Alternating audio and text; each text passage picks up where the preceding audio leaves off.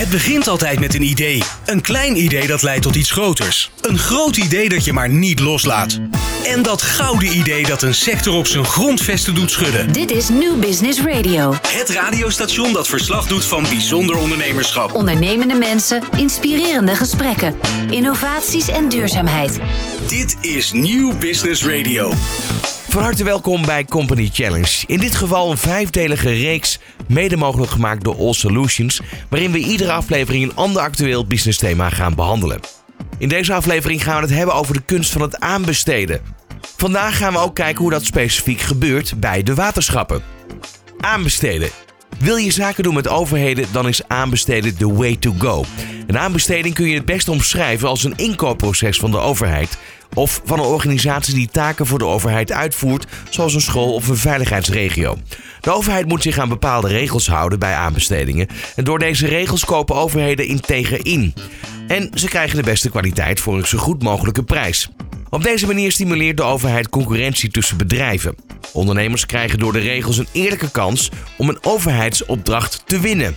Aanbieders van producten en of diensten hebben zich dus aan regels te houden. Maar hoe maak je de kans om een aanbesteding te winnen zo groot mogelijk? Wat zijn de do's en don'ts? En is het ook echt zo dat het proces afdwingt dat iedere leverancier dezelfde kansen krijgt? Of zijn er geitenpaadjes die bewandeld kunnen worden? Want net wel, aan de kant van de overheid is zo'n aanbesteding vaak ook een opdracht waarbij de betrokkenen het maar één keer in hun hele carrière ook begeleiden. Al met al een complex verhaal, of toch niet? Dat gaan we vandaag horen in Company Challenge. Van hippe start-up tot ijzersterke multinational. Iedereen praat mee. Dit is New Business Radio. Van harte welkom bij deze Company Challenge. Laten we even gaan naar eh, de introductie van onze studiogasten vandaag. Louis de Koning, partner bij Improve. Goedemorgen. Goedemorgen. Ja, eh, kan je in het kort uitleggen wat, wat jullie precies doen? Ja, Improven is een eh, eh, middelgroot adviesbureau. Wij richten ons met name op de Nederlandse markt. En dat doen we op de vakgebieden eh, financial management, IT-transities en risicomanagement. En vanuit de IT-transities hebben we veel te maken met selectietrajecten. En binnen de overheid kom je dan altijd uit op aanbestedingstrajecten. Ja, en dat, dat geldt dus, hè, we, vandaag gaan we het met name hebben over die waterschappen, maar, maar dat geldt dus eigenlijk voor alle aanbestedingstrajecten. Dat geldt inderdaad voor alle uh, gemeentes, uh, provincies, uh, waterschappen en de Rijksoverheid. Interessant. Gaan we straks uitgebreid op, op in natuurlijk. Um, Sam-Peter Bakker, senior advisor bij Twinstra Gudde. Ook van harte welkom in de studio. Um, ja, ik, ik hoor hier ook eigenlijk een adviesorgaan. Wat, wat doen jullie precies? Twinstra Gudde is een middelgroot adviesbureau in Amersfoort. En richt zich op maatschappelijke transities. Zelf werk ik bij de tak water. En waterschappen zijn grote klanten van de Twijnstra Gudde. En ik richt mij op de uh, transities uh, die gepaard gaan met implementatie van nieuwe systemen. Ja, en um, ja, ik hoor waterschap, ik hoor overheid. Dan, dan gaat bij mij toch wel vaak een lampje branden van dat zijn vaak processen die heel lang duren. Ja, dat zijn processen die uh, lang duren, hoewel IT vaak snel gaat. Mm -hmm. Maar de effecten op organisaties die hebben vaak lange tijd nodig om te landen. En uh, zoals vaker in de studio Jan van Wijngaarden, Managing Director bij All Solutions. Jan, ook uh, natuurlijk weer van harte welkom. Dankjewel. Die aanbestedingen, waar gaat het hem dan vaak om? Hoe, hoe gaat dat in zijn werk? Hoe, hoe, hoe, lang zijn jullie daarmee bezig om die aanbesteding uh, daadwerkelijk in te vullen? Want ik kan me voorstellen dat er heel veel wordt gevraagd wat jullie moeten overhandigen in die aanbesteding. Voordat er überhaupt goedkeuring is voor hetgeen wat er uh, ingediend is. Ja, nou, het is plat gezegd enorm veel werk. Dus ja. er wordt gevraagd om uh, heel veel de, uh, documenten. en ik moet zeggen, je trekt daar je organisatie behoorlijk mee onderuit. Want ja, je moet het goed doen. Dus je, je haalt je professionals en dan de beste haal je erbij om, om de stukken te schrijven. En je moet vaak ook een bijna altijd een demonstratie geven. Dat is echt een, een zware sessie van een dag lang, waarin je helemaal puntsgewijs door alle alle functionaliteiten heen gaat. Uh, dus het is een traject wat maanden duurt en waar je met een, uh, nou, een ploegje van, ik denk een man of vijf, zes mee bezig bent. Bijna volledige focus op die aanbesteding dan Ja, nou niet tijd. fulltime, maar een ja. flink deel van de tijd besteed je daar wel aan. Dus nou, als je hem natuurlijk wint, is dat, uh, is dat heel fijn. En als je hem verliest, dan is dat... Kan, een, kan je daar handig in worden? Ja, je kunt er zeker handig in worden. dus als je, ik zou ook haast zeggen, als je er niet handig in bent, begin er niet aan. Dus ik heb dat ook echt moeten leren in de, in ja. de afgelopen jaren, ook in mijn, mijn job voor, voor All Solutions. En eigenlijk begint het al ver voor de aanbesteding. Dus als je een goede kans wil maken, dan, en dat doen we ook. Er zijn 21 waterschappen. We spreken ze allemaal ver voordat er een aanbesteding is, zodat je ze leert kennen. Dat je een beetje kunt voelen van passen wij daar überhaupt? Vind ik altijd ook nog wel belangrijk. Uh, veel waterschappen doen ook nog een marktconsultatie. Die is wat losser. Dan vragen ze informatie uit de markt. En als je daar meedoet, dan kun je nog uh, ja, soort van beïnvloeden door te vertellen wie je bent enzovoort. En ja, als de aanbesteding eenmaal loopt, dat is gewoon een, uh, een heel strak juridisch ja. proces, dan is er van beïnvloeden geen sprake meer. En ja, zul je het gewoon moeten doen met de uitvraag en dat werkt met punten. een heel, heel simpel systeem eigenlijk. En dan één keer in de vier jaar verandert eventueel hè, dat bestuurlijk orgaan binnen die waterschappen. Merk je daar veel van of niet? Uiteindelijk in de uitwerking. Nou, ik kan dat niet. Ik, ik kan niet zeggen dat ik daar heel veel van merk. Nee, nee maar natuurlijk heeft het wel invloed. Want uiteindelijk gaat het om beleid. En uh, nou, bestuur bepaalt ook uh, uiteindelijk wat ICT-richtlijnen zijn. Uh, maar dat zijn die gesprekken die je van tevoren hebt. Dat je goed probeert achterhalen van welke kant gaat het op. Ja. ja. Nu, nu is All Solutions is, is op zich hè, een prima bedrijf, ook qua grootte. Maar ik kan me ook voorstellen, je zei het net al, het heeft best wel een weerslag op de organisatie. Mm -hmm. Vaak gaan er maanden overheen voordat je zo'n aanbesteding uh, ja, en in hebt kunnen dienen. Um, dat doe je niet alleen, denk ik. Uh, nou, nee, we, doen het wel grotendeels alleen, maar we halen daar ook wel wat externe bij, bijvoorbeeld die ons uh, adviseren en die meekijken. Dus zeg maar een soort vier ogen principe. Dus ik heb een partner die, die meedenkt en die ja, jarenlang al met aanbestedingen bezig is. En die ja, net eventjes uh, wat, wat punten kan aantippen van dat zou ik anders doen. En dat is in een aanbesteding, dat kan echt het verschil maken. Ik heb, ja. ik heb wel eens een aanbesteding gewonnen op een halve punt verschil. En gelukkig won ik hem, maar zo, zo kan het zijn. Dus dat ene stukje van doe dat net even anders kan ook net het verschil maken. Ik zie Louis de Koning glimlachen. Is dat, dat is jouw expertise, toch? Dat klopt. Als je kijkt naar bijvoorbeeld waterschappen specifiek en je kijkt naar aanbestedingen, dan doen ze heel veel aanbesteding. Uh, als ze een dijk bouwen, hebben ze een aanbesteding van een aannemer. Uh, als ze het bedrijfsrestaurant willen uh, runnen, dan doen ze een aanbesteding voor een cateringbedrijf. En wij zijn met name betrokken als het gaat om IT-transities en aanbesteding voor financiële systemen, ERP-systemen, HR-systemen, dus echt meer de IT-systemen. En daarbij kijken wij naar organizational fit. Dat doen we niet alleen bij commerciële bedrijven, maar dat hebben we ook in onze methodologie meegenomen voor aanbestedingen. Dat betekent dat we kijken naar processfit. Hè. Ondersteunt het uh, systeem de processen? We kijken naar userfit. Kunnen en willen de mensen ermee werken? Verandermanagement is dan ook heel mm -hmm. belangrijk. Daar komen we zo meteen ook nog over te spreken. We kijken naar datafit. Past het in het datalandschap? Heb, kun, je het, uh, kun je de interfaces bouwen? We kijken naar technical fit. past het ook binnen de technische uitgangspunten? En heel belangrijk is er ook een vendor fit. Want als je een vendorfit, een vendorfit uh, kun je met de leverancier lange termijn door een deur. Um, je moet je voorstellen dat als je een systeem implementeert, dan doe je dat niet voor één of twee of drie jaar. Dat doe je vaak voor uh, tien jaar of langer. En dan is het wel prettig dat de leverancier A, dezelfde kant op beweegt die jij ook beweegt en niet ineens uit de markt stapt. Maar het is ook belangrijk dat je een goed gevoel hebt bij die leverancier, dat hij jou blijft ondersteunen en niet dat er een vechtrelatie ontstaat. Dus dat proberen we ook zoveel mogelijk mee te nemen. En dan, het is wat Jan ook al zei, uh, ook vanuit de leverancier kijk je, past, dit, past deze organisatie bij ons? Maar wij doen eigenlijk hetzelfde uh, vanuit uh, de klanten die we ondersteunen, om te kijken of de leverancier past. Ja, want, want even voor de duidelijkheid, wie, wie is degene, de partij die jullie als het ware aan het werk zit? Is, wij worden is... altijd ingehuurd en betaald door, in dit geval, het waterschap. Ja, oké. Okay. Dus wij zijn in principe onafhankelijk. wij kennen de markt, dus we weten ook wat er te koop is. We kunnen ook redelijk goed voorspellen wie er gaan inschrijven. We kunnen een, uh, een, ook een soort schets maken van ja, wat kun je verwachten. En we proberen ook altijd van tevoren aan te geven wat dit, gaat dit kosten. Niet alleen qua pakket, zodat je ook een, uh, een, een plafond kunt zetten op de uh, aanbesteding om te voorkomen dat het financieel helemaal uit de klauwen gaat lopen. Maar we kunnen ook aangeven, let op, hè, intern moet je ook mensen vrijmaken. Dus je hebt een stuk backfilling nodig, je moet mensen begeleiden, je moet processen uitwerken. Dus eigenlijk helpen wij ook aan de voorkant al met het voorbereiden van de hele ja, business case. Klinkt wat zwaar voor een waterschap, maar ze willen wel weten van tevoren wat het gaat kosten, zodat het bestuur daar een besluit over kan nemen en geld voor vrij kan maken. En ja, als dat een beetje zwaar op de maag ligt, dan krijg je nog wel eens van, uh, ja, we doen de aanbesteding, maar het bestuur geeft nog geen finaal akkoord. Ja, dus jullie zijn er eigenlijk ook om een soort forecast af te geven ja. aan partijen zoals All Solutions. Nou, we geven de voorkast geven intern af. Dus we maken een complete begroting, zodat die ook kan opgenomen worden in de exploitatiebegroting voor de, voor de meerjarenplanning. Mm -hmm. Wat gaat het per jaar kosten en wat gaat de implementatie kosten? En wij bepalen eigenlijk vaak ook de plafondprijs. En dat is wel de prijs waarbinnen de inschrijvers, bijvoorbeeld een All Solutions dan moet blijven met zijn aanbesteding, met zijn inschrijving.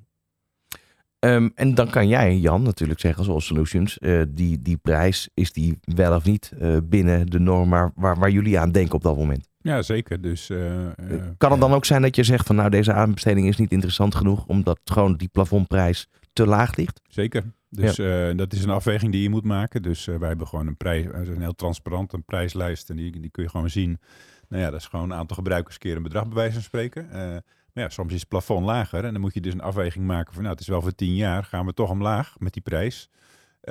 Uh, om dan toch maar aan te kunnen bieden. En je moet natuurlijk ook nog de inschatting maken, wat doet een ander? Dus het is niet alleen het plafond, maar uh, ja, je wil ook wel niet te hoog gaan zitten, omdat je hem wil winnen. Dus... En daarbij eventuele inflatie berekenen, wat natuurlijk in deze tijd heel moeilijk te voorspellen is. Ja, maar daar zit meestal in de, in de voorwaarden wel dat je kunt indexeren. Oké. Dat is vaak dat dat de eerste twee jaar niet mag, maar daarna mag je indexeren. Dus in principe is dat wel afgedekt. Uh, want anders kun je, zeker over tien jaar, kun je eigenlijk geen inschatting maken. Exact. Maar ik heb echt wel eens gehad dat ik me terugtrok, omdat ik zoiets had ja, dit kan gewoon niet. Dus...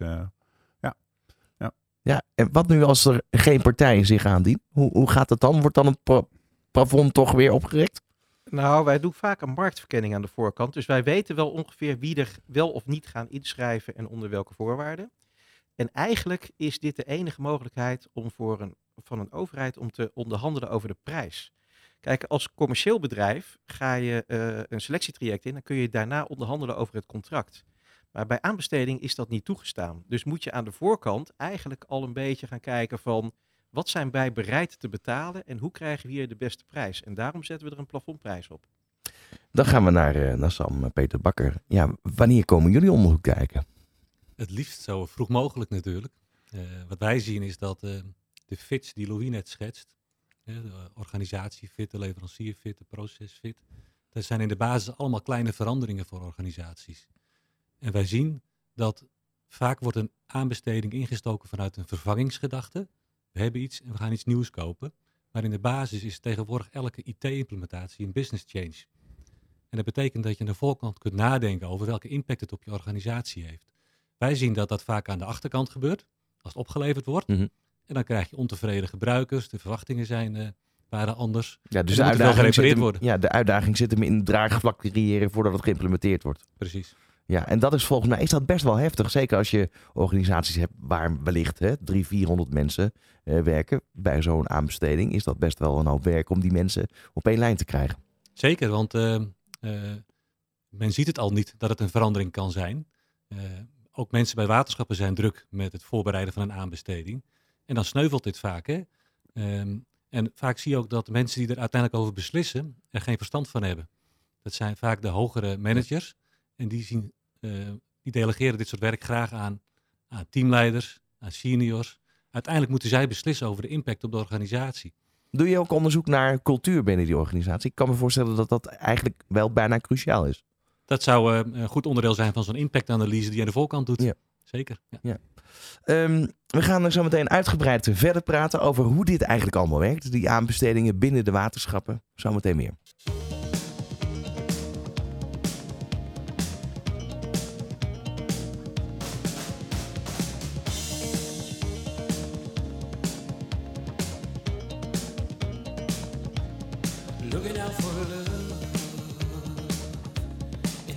So still.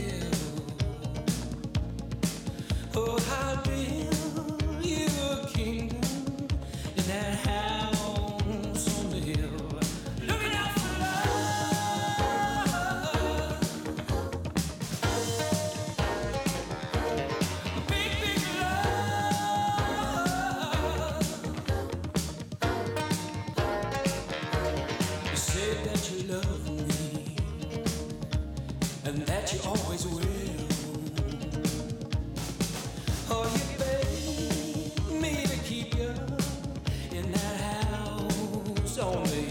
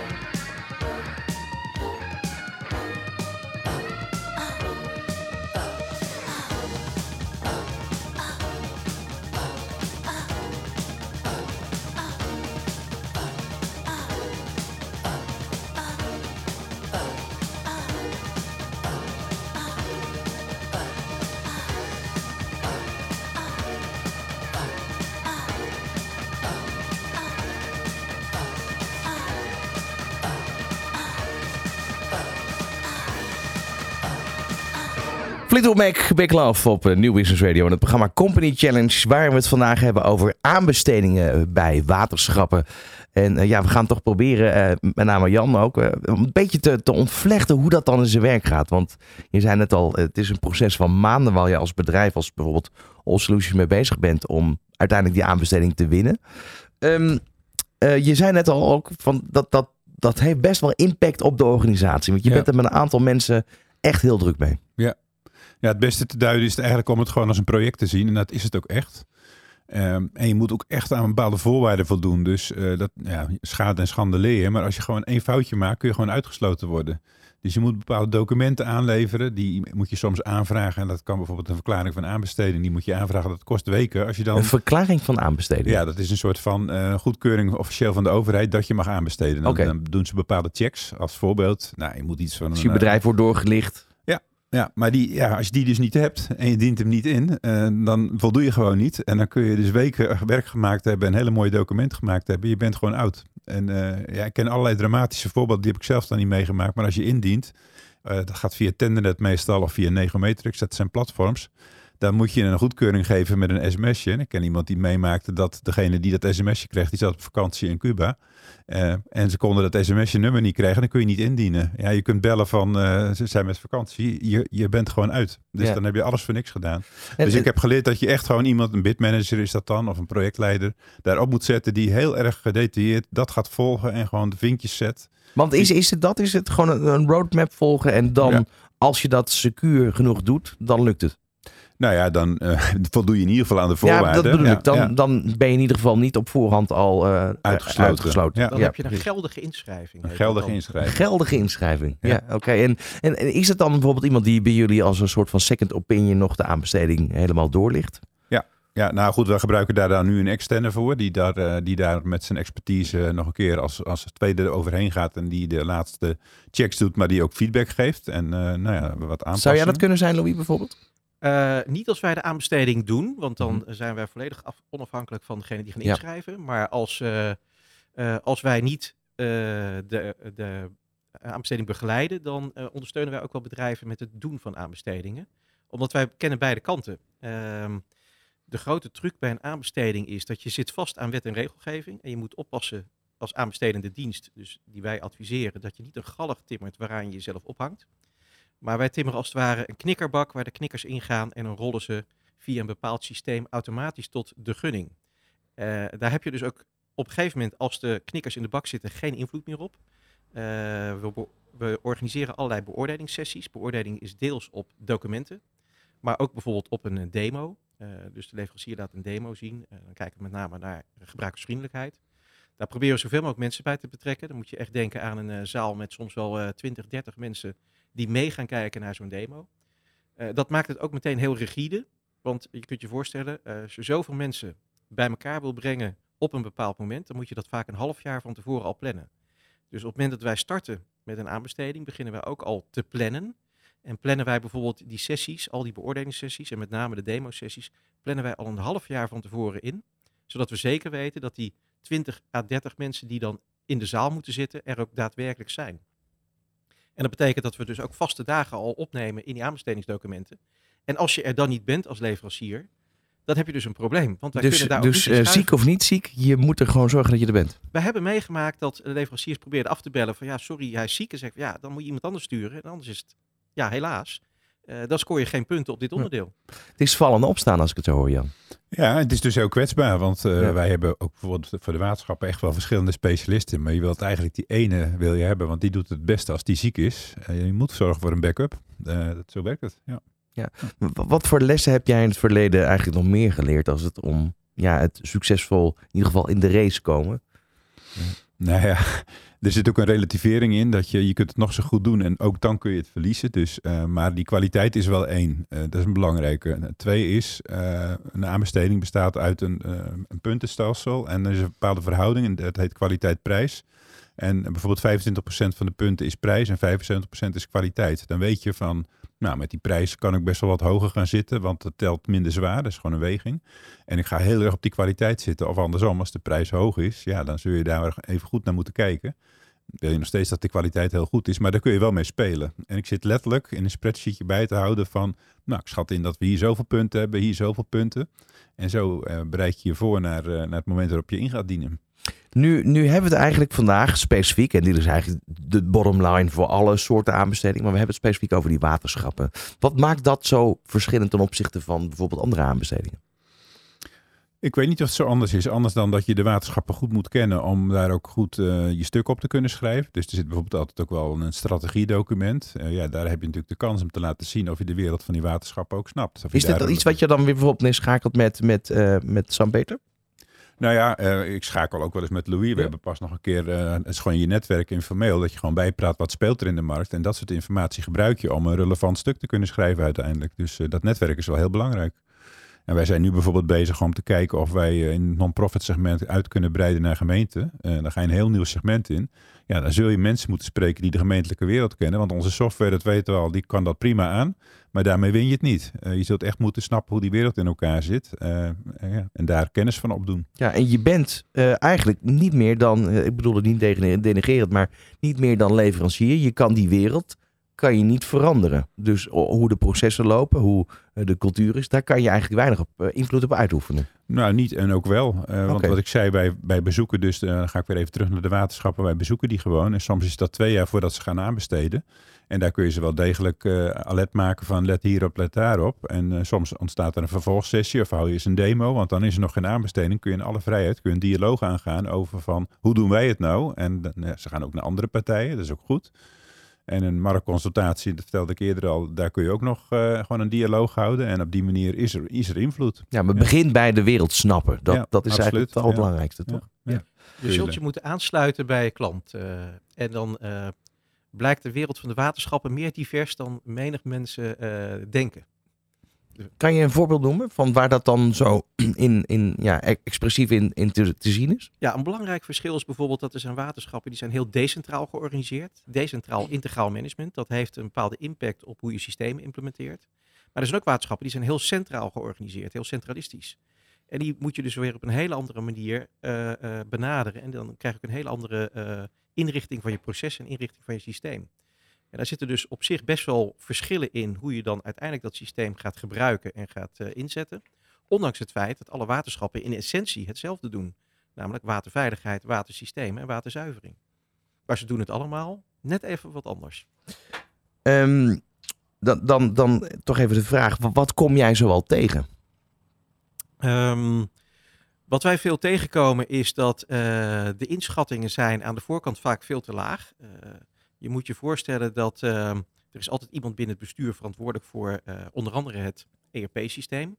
En het geld wat dan wordt vrijgemaakt voor zo'n aanbesteding is vaak te laag. Dus dan begin je eigenlijk het traject niet alleen met de voorbereiding met de medewerkers en de organisatie bij die processen te kijken, maar gaat ook al een beetje masseren van jongens, dit, dit budget, daar gaan jullie het niet mee redden. Er moet meer geld worden vrijgemaakt. En dan beginnen we met het schetsen van de markt en wat eh, de software zo'n beetje kost.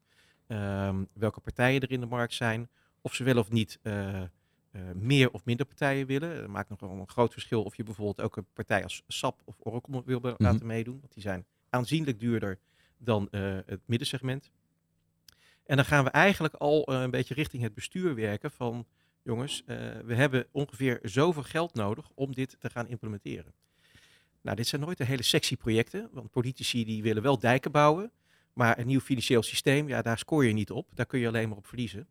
Eh, en daarbij is timing dus ook heel belangrijk. Wanneer komt er een nieuw college? Eh, wanneer, loopt die college wanneer loopt die termijn af? En bij waterschappen zijn het dan besturen. Mhm. Maar ook daar speelt mee van ja, gaat iemand helemaal aan het eind van een bestuurstermijn nog een besluit nemen voor een aanbesteding? Of til je dat net even over de verkiezingen heen? Ja, want we zitten nu in die verkiezingsperiode. Hè? Maar wat is er bijvoorbeeld de afgelopen maanden gebeurd? Omdat men weet, die verkiezingen komen eraan. Wat gebeurt daar dan op de achtergrond? Ehm, nou, er worden nu bijvoorbeeld eh, eh, al business cases gemaakt. Bij bijvoorbeeld één waterschap wordt er nagedacht over, nou ja, stel dat we over een aantal jaren moeten gaan aanbesteden, dat weten ze nu al. Ehm, eh, hoeveel gaat het dan kosten? Hoe gaan we dat in de meerjarenbegroting verwerken? En wat is de timing waarop we dat gaan aanbieden en bespreken met het bestuur? Doen we dat met het nieuwe bestuur, wat aantreedt na de verkiezingen? Of kijken we nog een bestuur verder? Eh, dat is wel een van de voordelen van waterschappen. hè. Die zijn gewend ver vooruit te kijken. Een dijk bouw je voor 40 jaar. Ja. Het bouwen van een dijk duurt ook wel langer.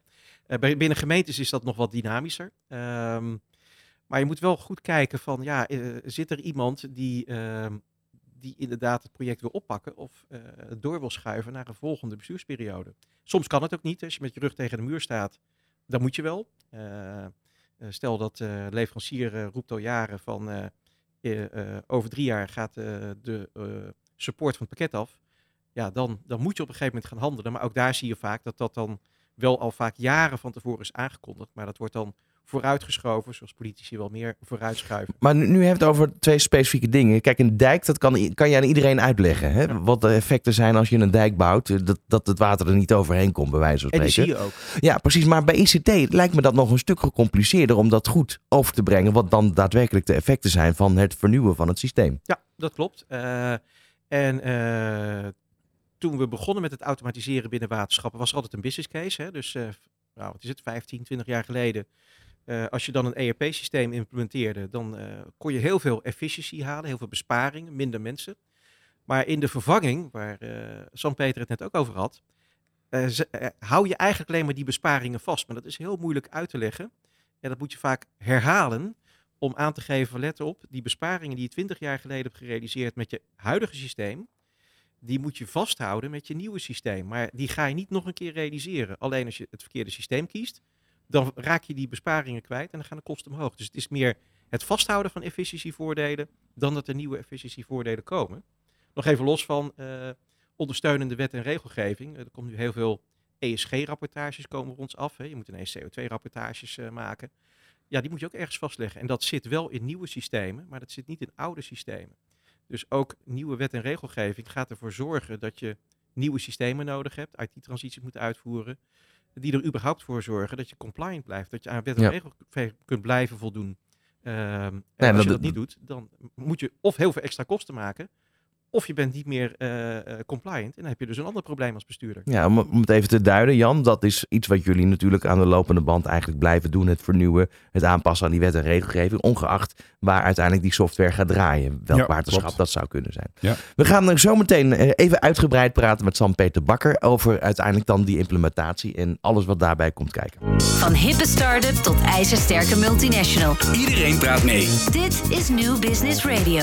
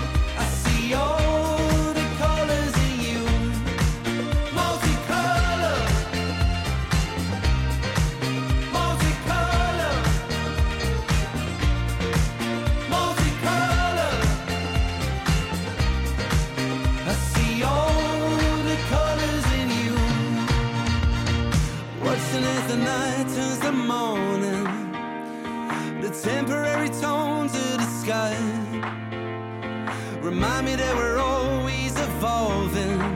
Nothing's ever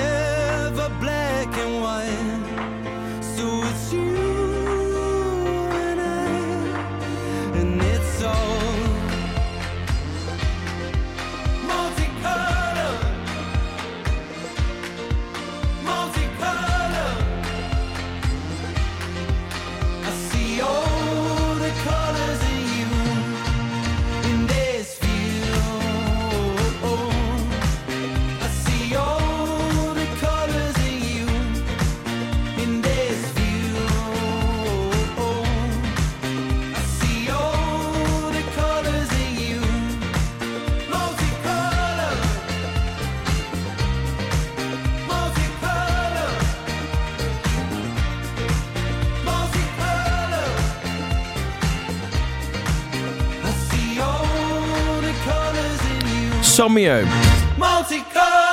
Ik luister naar Nieuw Business Radio, een nieuwe aflevering van Company Challenge. Met vandaag in de studio Louis de Koning, partner bij Improven. Sam-Peter Bakker, senior advisor bij Twijnstra Gudde. En Jan van Wijngaarden, managing director bij All Solutions. Waar we het vandaag hebben over aanbestedingen en dan specifiek bij de waterschappen. Ehm, zijn we aangekomen bij Sam-Peter Bakker. Jij hebt eh, het straks al eventjes verteld. Ehm, jullie zitten met name aan de organisatiekant. Kijken hoe die organisatie er klaar voor is. Dat is eigenlijk werkelijk wat jullie doen, hè? Ja, wij proberen organisaties voor te bereiden op de veranderingen die op stapel staan. En een van die veranderingen zijn natuurlijk de IT-systemen die grootschalig eh, veranderd eh, worden door nieuwe aanbestedingen. En wij zien ook dat eh, daar betrekkelijk weinig aandacht voor is. Die verandering die wordt aan de voorkant niet echt onderkend. En achteraf constateren we dat die verandering gezien wordt. En dan moet er ingegrepen worden.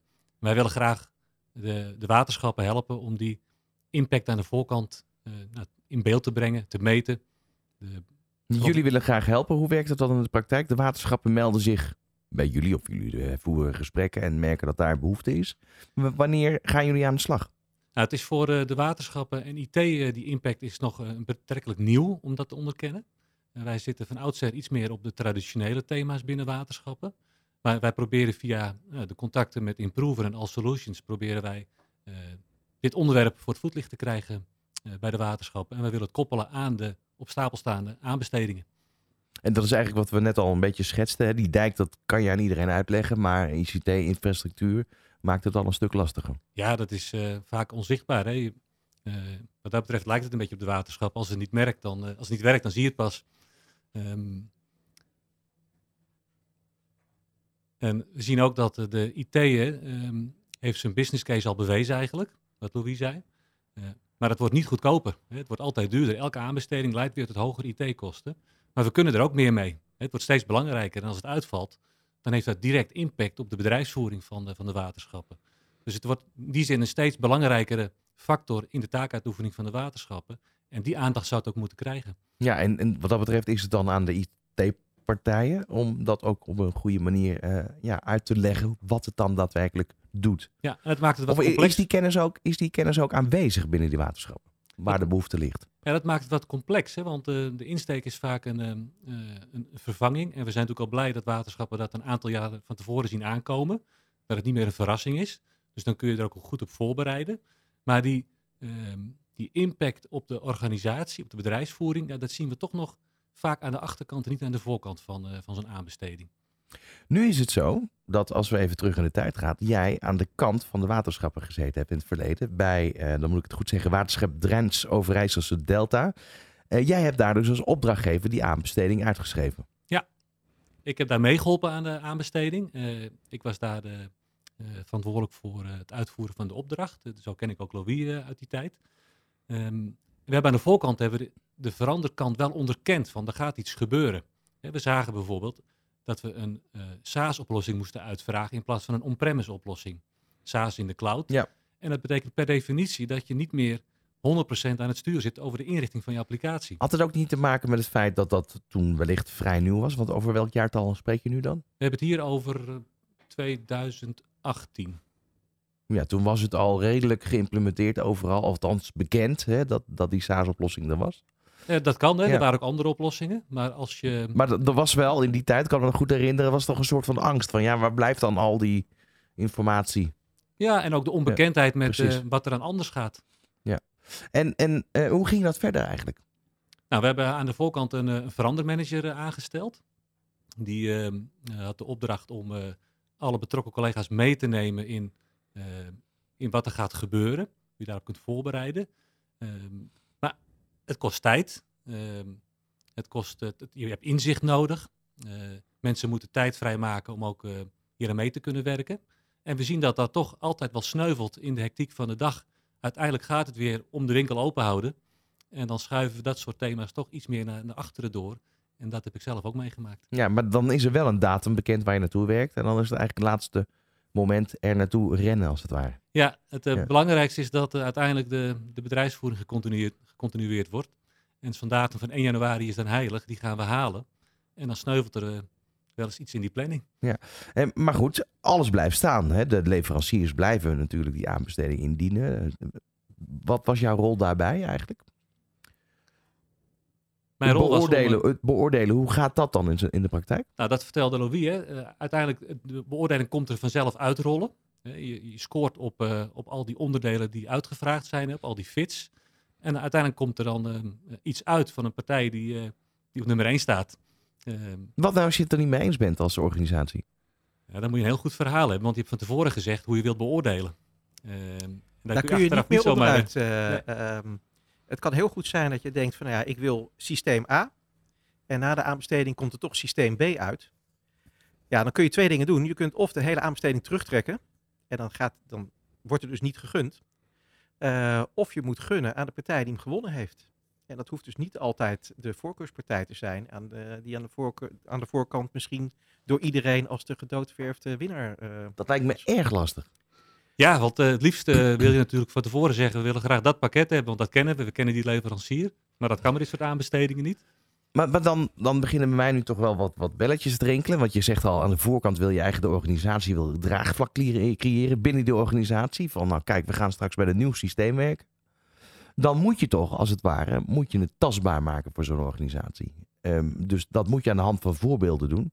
Is het dan dat je daar eh, ja, genuanceerd iedere keer kijkt van nou, we gaan verschillende partijen pakketten benoemen om Maar daarom is die aanloop lijkt me heel bij- best ingewikkeld. wel lang. Bij, Ja. die aan, bij de aanloop bijvoorbeeld bij grensoverreizigers Delta was er een verandermanager die meeliep eigenlijk al in de voorbereidende gesprekken. Want je gaat toch wel met een team alvast de processen voorbereiden. Je gaat de, de documenten voorbereiden waarop eh, partijen moeten gaan inschrijven. Dus er komt een procesbeschrijving, er komt een beschrijving van de organisatie. We schrijven op hoeveel dimensies we denken nodig te hebben. En dan gaan we die stukken beoordelen. En ook daar zijn al die mensen weer bij betrokken. Alleen dan krijg je toch het effect dat, eh, nou, je hebt bijvoorbeeld voorzien dat er eh, tien mensen mee gaan beoordelen in de procesbeschrijving, eh, die dan wordt ingediend door de inschrijvers. En dan vallen er toch twee af, want die zeggen van de een wordt ziek en de ander zegt van ja, ik heb het nu even te druk. En het probleem is, als ze dus afvallen, kunnen ze ook niet meer mee beoordelen. Dus dan wordt zo'n team op dat onderdeel dus gewoon een stukje kleiner. Dan beoordeel je dus met minder mensen mee. En degene die dus niet meedoen, ja, die zullen zich moeten neerleggen bij het resultaat. En je hebt voor ieder onderdeel heb je weer een apart team. Eh, en het grootste team is altijd de demo, de gebruikersvriendelijkheid. Mhm. Eh, en van de 30 mensen die je dan uitnodigt, ja, dan komen er meestal zo'n 25, want er is altijd wel iemand ziek of iemand die dan op het laatste moment afmeldt. Maar ook daarvoor geldt, je mag alleen meebeslissen als je in alle demo's zit. Dus als wij drie partijen hebben en iemand kan bij één demo er niet bij zijn, dan valt hij dus af in de hele beoordeling. Omdat je alleen kunt beoordelen eh, als je alle drie de pakket hebt gezien. Dat heeft te maken met een soort eerlijkheid.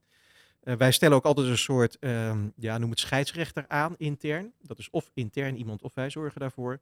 Die zeg maar erop toeziet, en daar kan dan de leverancier ook op vertrouwen, dat het proces eerlijk verloopt en dat er, eh, dat dus een eerlijke beoordeling plaatsvindt. En de scores worden ook per team bepaald, zonder dat ze weten wat de scores zijn van de andere teams. En pas op het allerlaatste moment wordt de kluis met de prijs geopend. Dat ligt vaak bij de afdeling inkoop. En die wordt er dan bovenop geteld.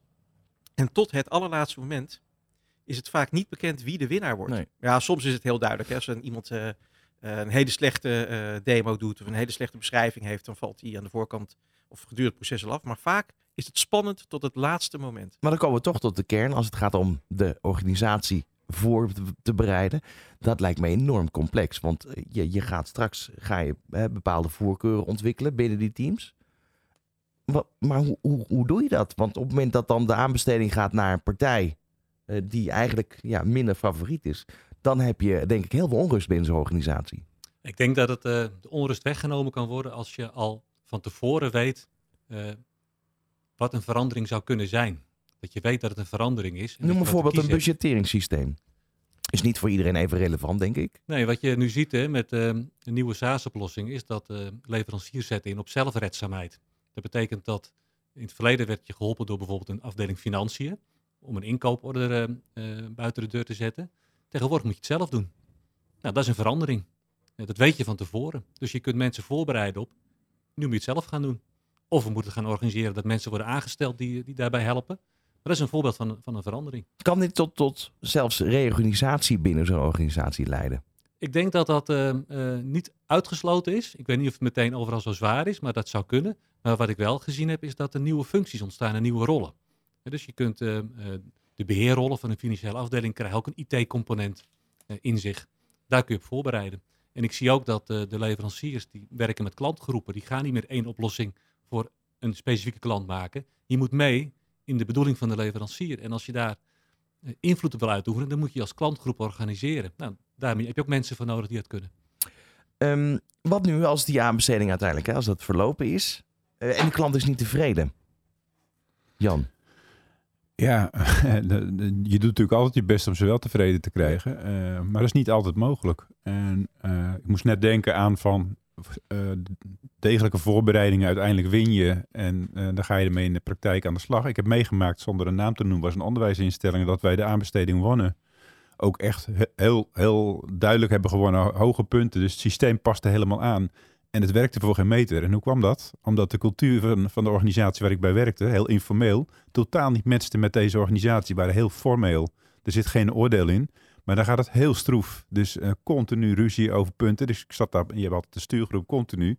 Eh, in de stuurgroep om eh, zaken voor elkaar te krijgen. Ja, hoe krijg je dat voor elkaar? We hebben gewoon wel heel open gezegd tegen elkaar van, nou ja, het is een soort van eh, gedwongen huwelijk. Hè? Ja. Want het is gedwongen in de zin van je hebt gewonnen en je mag hem dus uitvoeren. Maar eigenlijk vinden we elkaar helemaal niet leuk. Dat gaf overigens wel wat ontspanning. Maar ideaal was het zeker niet. Terwijl op systeem eh, was het allemaal prima. Daar, daar was geen discussie over. en dan, dan zit je toch een aantal jaren zit je aan elkaar vast. Zeker, dat is ook het punt. Dus dat moet je ook met elkaar bespreken. En- En is het dan zo dat je als leverancier denkt van oké, bij de volgende ronde eh, trekken we ons, eh, gaan, we, gaan we niet meer aanbesteden? Nou, in dat geval, het was, aan, aan meedoen, inschrijven? bij, bij de marktconsultaties waar ik daarna meedeed, bracht ik dit ook in. Dat ik zei van, kijk of je op een of andere manier die match zeg maar, met de leverancier in kunt brengen. Want dat kun je natuurlijk wel als onderdeel van de kwaliteit eh, inbrengen. Blijft lastig, want eh, ja, vaak merk je pas in de samenwerking hoe het is. Eh, maar ik vind het vaak onderbelicht dat er echt alleen maar naar processen en systemen gekeken wordt. Maar je gaat een jarenlange relatie aan, tien jaar of langer, hè, hebben we net besproken. Ja. Ja. hoe belangrijk is het dan dat je eigenlijk wel gewoon goed met elkaar kunt samenwerken? Wie bepaalt nu eigenlijk die, die, die route van die aanbestedingen? Je zei net, eh, die knikkers die rollen vanzelf automatisch in de bak. Maar ik kan me ook voorstellen dat op het moment dat je daar een zeg maar soft kant aan toe... Want dat is eigenlijk wat ik hoor. Hè? De, de, het zijn alleen eh, de Die brengen feiten. wij in eigenlijk. eh, Die brengen jullie Die in. zit in onze methodologie, die vendor fit. Er zijn aanbestedingen die heel strak alleen maar kijken naar process fit. Die bijvoorbeeld ook de user fit overslaan. Eh, dan heb je dus helemaal een verandermanagement uitdaging. Ja. Eh, maar die, die, die eh, vendor fit, die zit er vaak niet in, maar die brengen wij wel altijd in. Dan is het altijd nog de klant die besluit of ze dat wel of niet willen. Want het worden beoordelingscriteria die wij inbrengen. Het scoort vaak niet het hoogste, maar het geeft wel een goed gevoel. Ehm, en dan de tijdslijnen, ja, die zijn gewoon voorgeschreven. Dus je moet wel binnen wettelijke kaders ga je dat invullen met eh, de aspecten waarop je gaat beoordelen. Maar ik vind zelf vendorfit heel belangrijk. En bij commerciële bedrijven is dat wat makkelijker. Hè? Want als je elkaar dan niet mag, dan zeggen we nou, we, ge- we geven jou die opdracht niet. Maar bij de overheid is dat lastiger. Ja, als je als beste uit de, uit, eh, uit de aanbesteding komt, dan heb je het contract gewonnen. En dan heb je het recht ook om het product te leveren en te implementeren in het geval van een IT-systeem.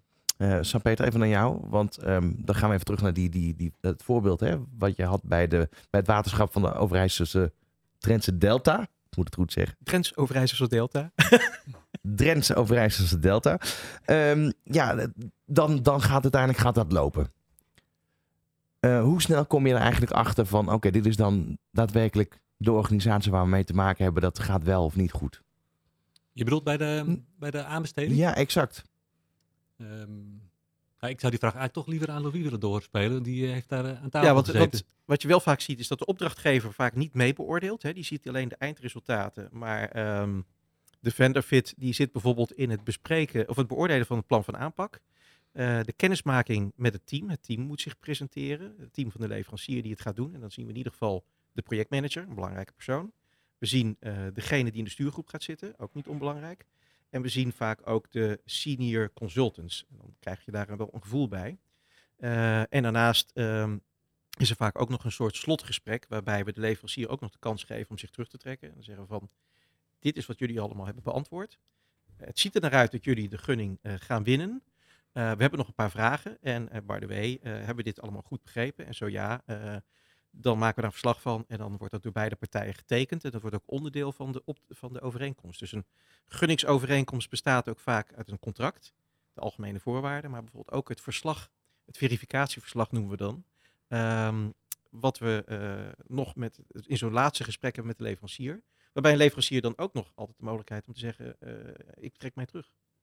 Wat nu als jullie als adviseurs naar de waterschappen toe eigenlijk je huiswerk niet goed gedaan hebben? Ja, die kans acht ik zeer klein. Wij eh, ondersteunen heel veel waterschappen. eh, doen heel veel aanbestedingen, niet alleen bij waterschappen, maar ook daarbuiten.